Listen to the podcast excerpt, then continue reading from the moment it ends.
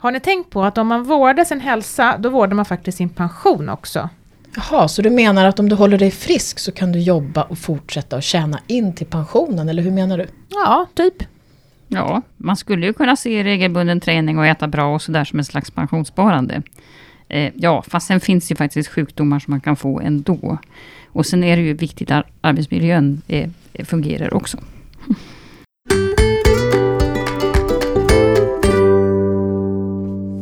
Välkommen till Min Pensionspodden där vi idag ska prata om hur hälsan påverkar pensionen. Och som ni hör är min röst inte helt hundra men vi ska nog se till att hälsan blir rätt i alla fall.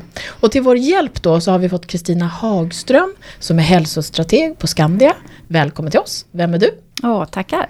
Ja, det är en stor fråga, vem är jag? Men om man tänker utifrån mig som person så tror jag nästan att jag alltid har tänkt att kropp och själ hänger ihop.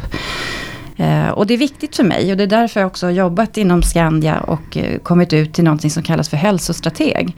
Det är just att hjälpa människor att få balansen. Och det började faktiskt tillbaka 2002 när vår affär gick back med 2,6 miljarder och då blev det en väldigt tydlig ekonomisk situation som vi behövde arbeta med.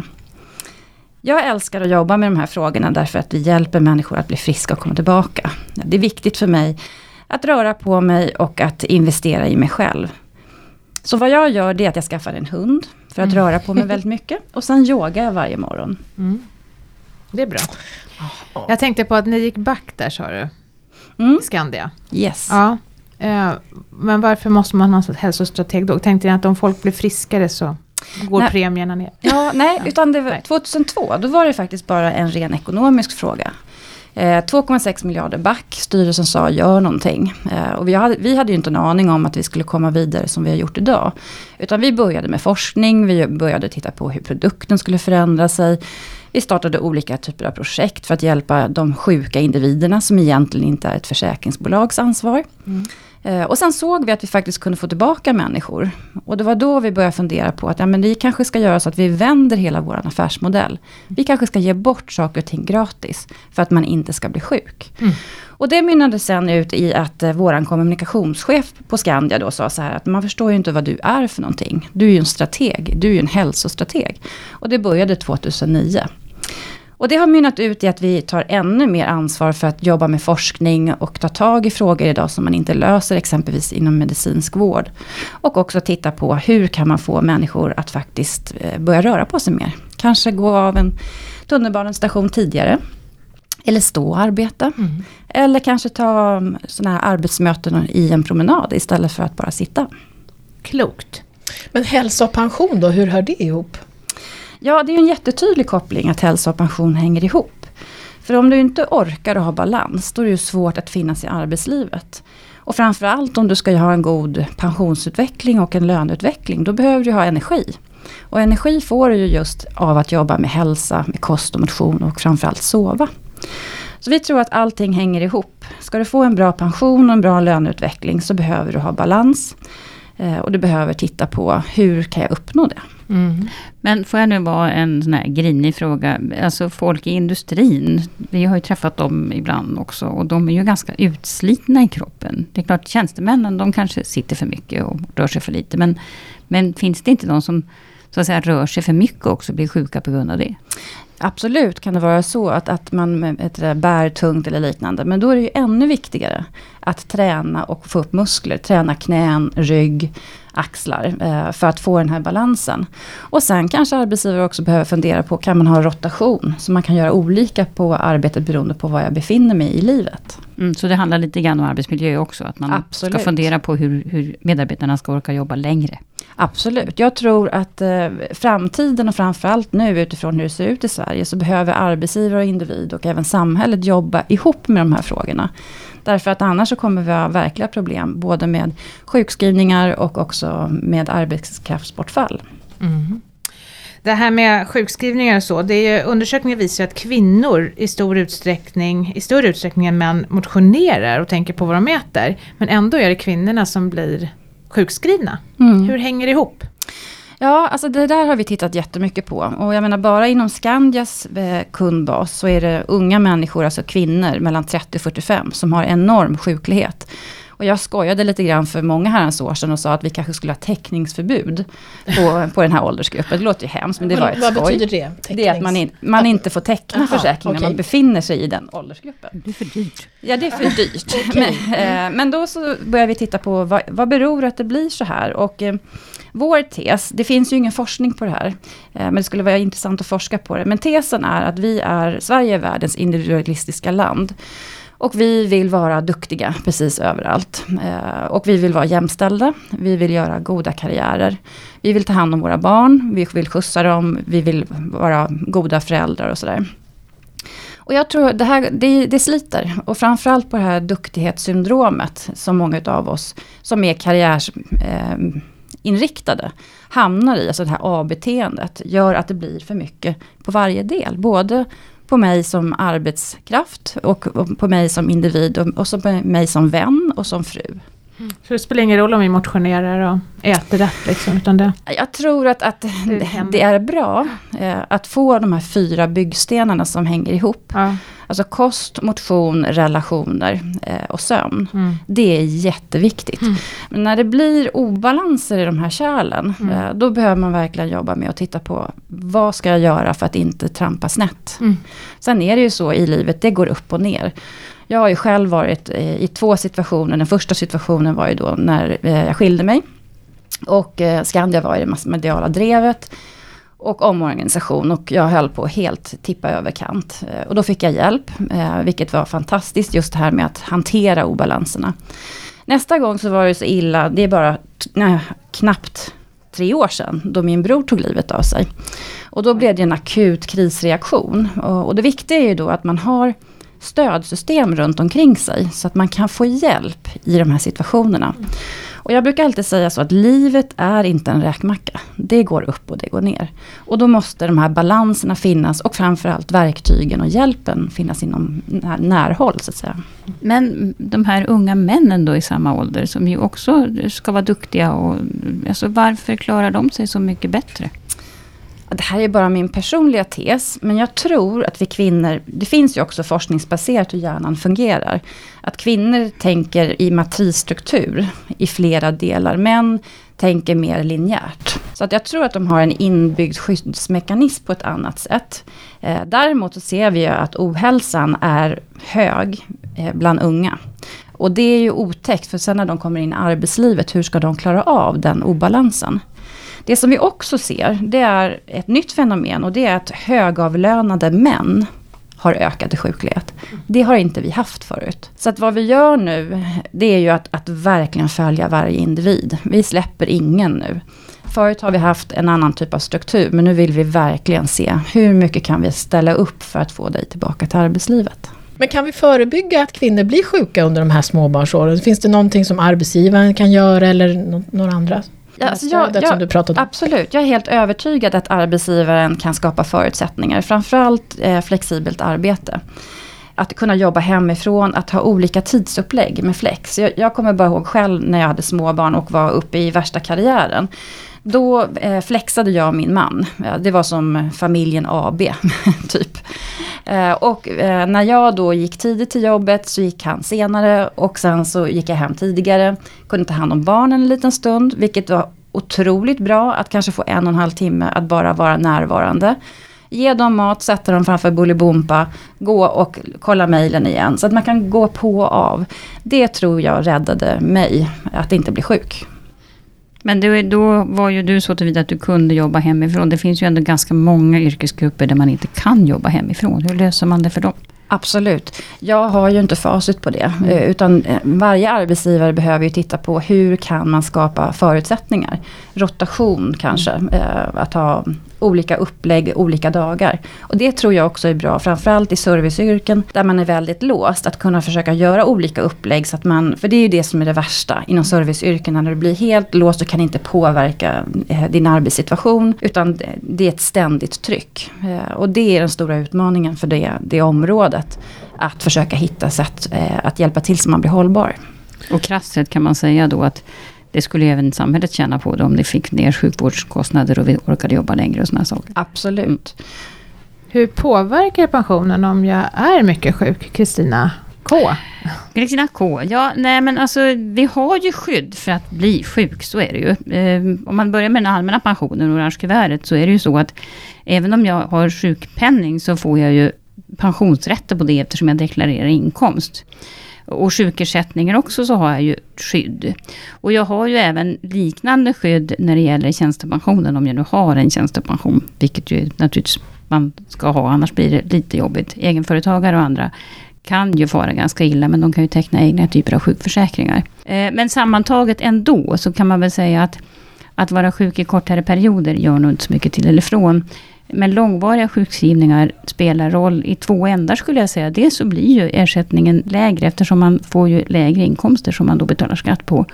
Sen brukar det ju inte vara så bra för löneutvecklingen heller ärligt talat. Och är det så att man till exempel är sjukskriven på deltid eller någonting sånt där. Eh, det är inte, man brukar inte få de största delarna på potten i, när, när lönen ska förhandlas. Så att det påverkar ju också på lång sikt. Men är det så att kvinnor då ska spara mer till sin pension än män om de nu är mer sjuka? Eller? Ja, krasst sett så kanske man skulle fundera på det. Men det här är ju återigen det är väldigt individuellt. Det, det finns ju liksom flera, flera saker man ska tänka på. Sen tycker jag kanske att, att både män och kvinnor, de här unga männen och kvinnorna som vi pratar med. Man kan ju faktiskt, man kan både jobba för lite, alltså man har för mycket deltid och sånt. Det har vi ju pratat om i ganska många poddar. Mm. Men jag tror faktiskt också att man kan jobba för mycket. Alltså man, full kareta, skjuts in, allting ska göras samtidigt. Om man tittar i pensionssynpunkt så kan ju det bli någonting negativt. Det vill säga, du jobbar så mycket, du går in i väggen, du blir sjuk, du orkar liksom inte jobba. Om vi nu pratar om att vi ska jobba till 67-68 år och man är liksom helt slut när man är 33. Då, då kanske man faktiskt ska tänka om. Eh, men sen när det gäller sparande då, så tycker jag väl att man kanske ska börja då, som vi alltid tjatar om, gör en prognos. Kolla vad, hur ser ditt liv ut om du liksom fortsätter att jobba och du inte blir sjuk. Fungerar det bra? Har du liksom till och med en höjd så att du, du tänker att nej, men det här fixar sig. Då kanske du inte måste spara till varje pris. Eh, men däremot om du känner att ja, kalkylen går ihop men det förutsätter att jag jobbar, måste jobba till 68 och liksom en massa om och men och hit och dit ja då har du ju ganska mycket osäkra marginaler i din pensionsprognos. Och då, då kan man ju fundera på om man har möjlighet att spara. Så, så, så behöver du inte vara så orolig för att bli sjuk i alla fall. Och det kan ju också göra att du blir friskare. Jag tror även en ytterligare idé som jag skulle vilja lägga in. Och det är just det här med hur livet förändrar sig. Eh, har man olika inkomster i en familj, då kan det ju faktiskt vara så att jag behöver spara ännu mer för att tänka att oj, jag kanske blir själv. Så att inte bara det här med att, att se till att jag är frisk och hållbar och bygger upp min pension, men också har vi olika i familjen, då kanske man ska pytsa in lite extra på den som så att säga, ligger lägre. Därför det kan ju sen bli, vi har ju en väldigt hög eh, grad av skilsmässor. Mm. Att man faktiskt tänker i förväg. Mm. Mm. Jo, vi har ju pratat om att både föra över premiepension och kanske amortera som vi brukar amortera. prata om här. Att det vill säga mm. den som tjänar mest amorterar lite mer på huslån, för det har ju ganska många nu för tiden. Eh, men man ska ju också lite varningsflagg på det där och tänka att det där löser vi genom att flytta pengar mellan varandra. För dels är det faktiskt så att mannen då i så fall ju får räkna med lägre inkomst, lägre pension, mer avsättning till amorteringar. Eh, och sen krävs det ganska stora belopp för att det ska bli någon skjuts på det. Om vi pratar om premiepensionen, så om, man måste i princip ge bort sin premiepension 25-30 år då för att det ska bli typ 3000 kronor mer i månaden i pension. Eh, så att man ska, alltså jag skulle ju mera tycka att försök att fördela arbetet jämnare i familjen. Det, det tjänar nog alla på faktiskt. Mm, det är bra. Ja, det verkar dumt att vara snäll och duktig om man inte orkar jobba ända in i mål. Hur ska jag tänka om jag är 45 år och känner att jag inte kommer att orka i samma takt ända fram till pensionen? Ja, alltså det vi ser framförallt eh, utifrån vår hälsoförsäkring så är det väldigt många som stannar kvar fast de egentligen inte mår bra att stanna kvar. Eh, så att jag skulle vilja säga så här, är jag på rätt arbetsplats? Eh, hur utvecklas jag? Är det kul? Får jag energi? Blir det nej på alla de områdena, då kanske jag ska fundera, vad skulle jag vilja göra istället? Ja, är det bättre då för min pension att jag byter jobb och går ner i lön de sista 15 åren? För att jag trivs bättre då och eh, inte riskerar att bli sjukskriven om jag trivs och mår bra. Det där är ju en, en 10 000 kronors fråga, men jag ja. tycker att man måste åtminstone ställa den till sig själv. Ja. Jag För tänker att, det finns så mycket inlåsningseffekter ja, idag också. Och jag tror också att man är lite rädd för att byta jobb. Och, mm. och, och, men det kanske är värt det. Men det är klart, då är det naturligtvis en massa om och men på vägen. Eh, att byta jobb, om vi tänker bara pensionsmässigt. Eh, så måste man naturligtvis först och främst tänka hur ser tjänstepensionen ut på det nya avtalet. Om jag till exempel drömmer om att skaffa ett café eller något sånt där, bli egenföretagare. Ja, då försvinner ju tjänstepensionen helt och hållet. Eh, så att det kanske inte ekonomiskt alltid blir en bättre affär. Men å andra sidan, ekonomi är ju inte allting. Att gå och vantrivas på jobbet i 15 år är ju ingen hit det heller.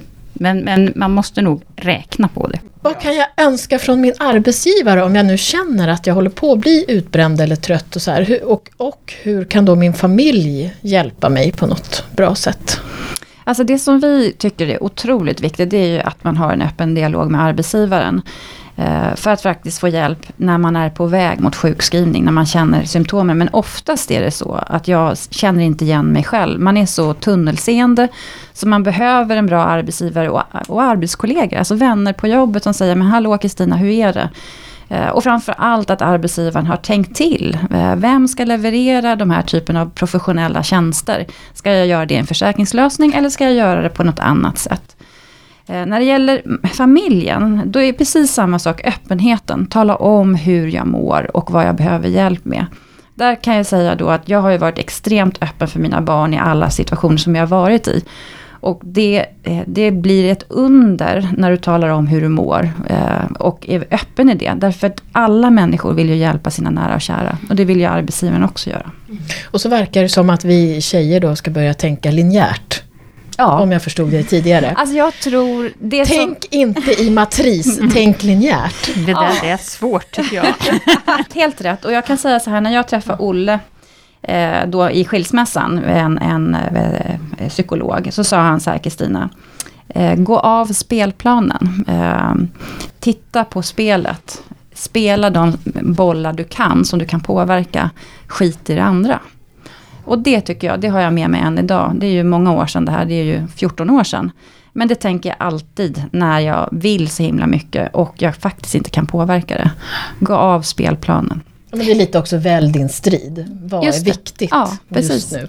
Ja, och där tror jag faktiskt, nu har vi pratat mycket om arbetsgivarens ansvar, men jag tycker ju ändå att en hel del handlar om familjen. Mm. Om vi är väldigt krassa. Eh, och AMF, alltså försäkringsbolaget AMF, pensionsbolaget, Eh, de gjorde en undersökning häromåret varför man, varför man går i pension tidigt.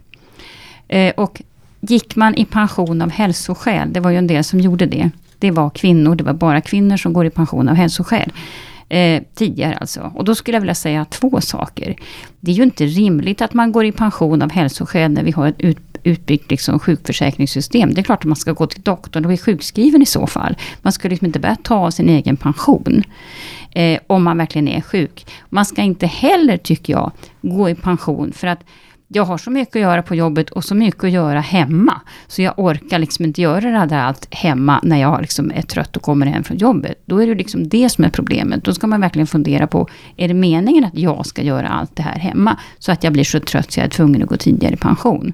För det är ju ändå, det är väldigt kostsamt. Det, det, det, pensionen minskar väldigt mycket. Man kan säga, mellan tummen och pekfingret, så minskar pensionen med en tusenlapp i månaden per, för varje år du slutar tidigare. I normala inkomstlägen, har du högre lön, sådär ja, 45-50, då kanske det handlar om två tusenlappar i månaden för varje, må för varje år du slutar tidigare. Så det där, eh, tänk både på att arbetsgivaren ska vara schysst, men du ska även ha, ha det bra hemma. Så vad har vi då, eller hade du en fråga? Nej. Jag tänkte säga, eh, det, det, är nästan så här så att man ska man både tänka på om man ska byta jobb eller om man ska byta familj. Ja, ungefär ja, så ja. Lite så, eller hur? Fast skilsmässor är också dyrt. Ja, det är det. Ja, ja det, är också dyrt. Ja. Så vad har vi då för fem tips, eller vad har vi för tips för att hålla oss friska då ända till 70? Är det bara att jogga några gånger i veckan extra och ta det där snacket med mannen hemma? Eller vad? Alltså vi brukar prata om de fyra byggstenarna. Det är egentligen den första delen eh, som består av de fyra byggstenarna, det är ju den totala balansen. Eh, alltså det är otroligt viktigt med sömnen. Eh, att sova minst sju timmar per, per natt.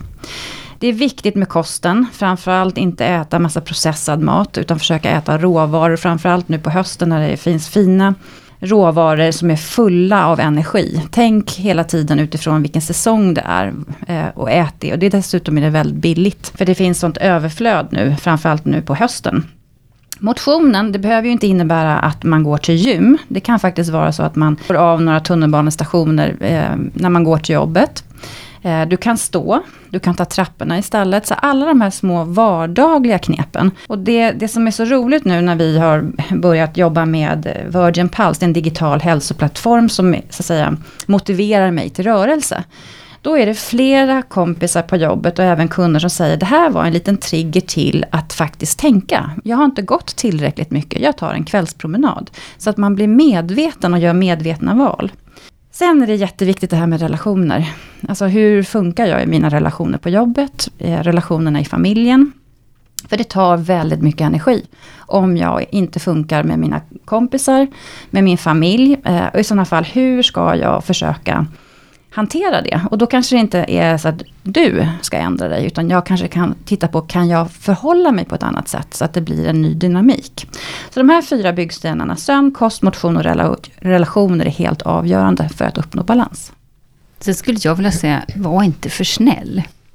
Jag tror att väldigt många kvinnor, vi är liksom snälla för att vi, dels för att vi får cred för att vi är snälla. Vi, får, vi blir belönade för att vi är snälla. Vi får liksom klapp på huvudet och så. Men rent ekonomiskt så behöver det verkligen inte vara någon bra affär.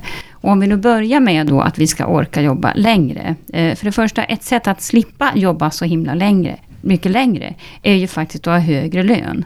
Och vi vet ju det att kvinnor har ju oftast lägre lön för samma jobb. Vi är ganska dåliga förhandlare, för vi är liksom snälla redan där. Inte ska väl lilla jag, och inte vill jag bära så mycket lön. Så börja där. Eh, det andra är, jobba inte för mycket, som jag tidigare sagt. Alltså ta inte på dig allting, våga säga nej. För att eh, som sagt, är jag trött och sliten med 35 så kan det vara svårt att jobba tills jag är 70. Eh, det tredje är dela. Alltså ta inte allt ansvar för familjen och klara att jobba samtidigt. Utan, utan se till redan från start att här delar vi. Här, här liksom hjälps vi åt. Eh, sen tycker jag naturligtvis också att man, man ska naturligtvis göra en pensionsprognos. Eh, för att se, alltså räcker pengarna till så kanske jag inte alls behöver jobba till 70. För det är ju också så att jag menar, har jag en inkomst som, som ger mig bra pension, ja då kanske jag kan jobb, sluta jobba tidigare. Så det bottnar väldigt mycket i att man ska inte vara så jäkla snäll, för då, då får man betala för det.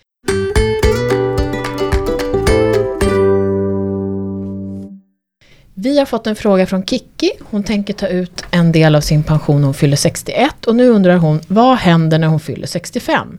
Hur går det om hon har sparade pengar och dessutom har en bostadsrättslägenhet? Påverkar det garantipensionen? Och om hon tar ut förtidspension, påverkar det hennes garantipension? Det vill säga, får hon lida för det tidiga pensionsuttaget hon har gjort då? Mm. Det är bra, bra frågor. Eh, och man kan ju ta ut delar av sin pension eller hela sin pension, alltså den allmänna pensionen då, från 61 års ålder. Men i och med att man börjar ta ut de där pengarna, då ska ju pensionen räcka flera år. Man säger så här, eh, när man börjar ta ut sina pengar, då räknar sådana här försäkringsmatematiker ut, ja, du är 61 år idag, du har en förväntad livslängd på, vad ska vi säga, 17,8 år. Och så fördelas då pengasäcken så länge på de åren. Eh, och tar man ut tidigare så ska ju pengasäcken fördelas på flera år och då blir det väldigt mycket pengar, mindre pengar varje månad.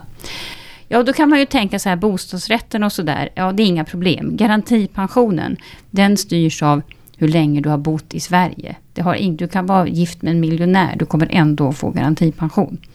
Så att det behöver man inte vara orolig för. Däremot så finns det ett annat stöd som heter bostadstillägg. Eh, som nog naturligtvis påverkas av, eh, ja, om du är gift med en miljonär. eller någon som har mycket pengar. Då kan du nog inte räkna med att få bostadstillägg. Eh, den andra frågan var om, om jag så att säga får, får eh, garantipensionen påverkas om jag börjar plocka ut pengar tidigare. Vid 61 års ålder då. Eh, och garantipensionen, det är ju det här stödet man får från staten för att man har bott tillräckligt länge i Sverige. Eh, de pengarna betalas inte ut förrän vid 65 års ålder. Inte bostadstillägget heller. Så att man får ju klara sig fyra år på ganska låga inkomster för det första. Eh, då kan man naturligtvis komplettera med ett sparande och det är väl klokt att göra det. Eh, men sen är det också så att om man börjar plocka ut pengar tidigare så räknas ändå det, det man får i garantipension som att du hade jobbat till 65. Alltså man får inte mer i garantipension för att man slutar tidigare och får lägre pension. Okej. Okay. Och därför så kan det vara så att de som har slutat väldigt tidigt får väldigt låga pensioner egentligen under de här fattighetsgränserna, eller vad vi pratar om. Och jag skulle säga att jag tror att merparten av de som har väldigt låga pensioner har gått i pension tidigt. Så gör inte det om det går att undvika. Det här är en podd som görs av minpension.se där du kan se hela din pension och göra pensionsprognoser. Vi som har gjort podden idag är Ulrika Loob, Maria Eklund och Kristina Kamp och dagens gäst var Kristina Hagström från Skandia. Du hittar oss på Twitter, Instagram, Facebook och vi blir jätteglada om du prenumererar och tipsar dina kompisar om oss. Ha det bra, hej då! Hej då!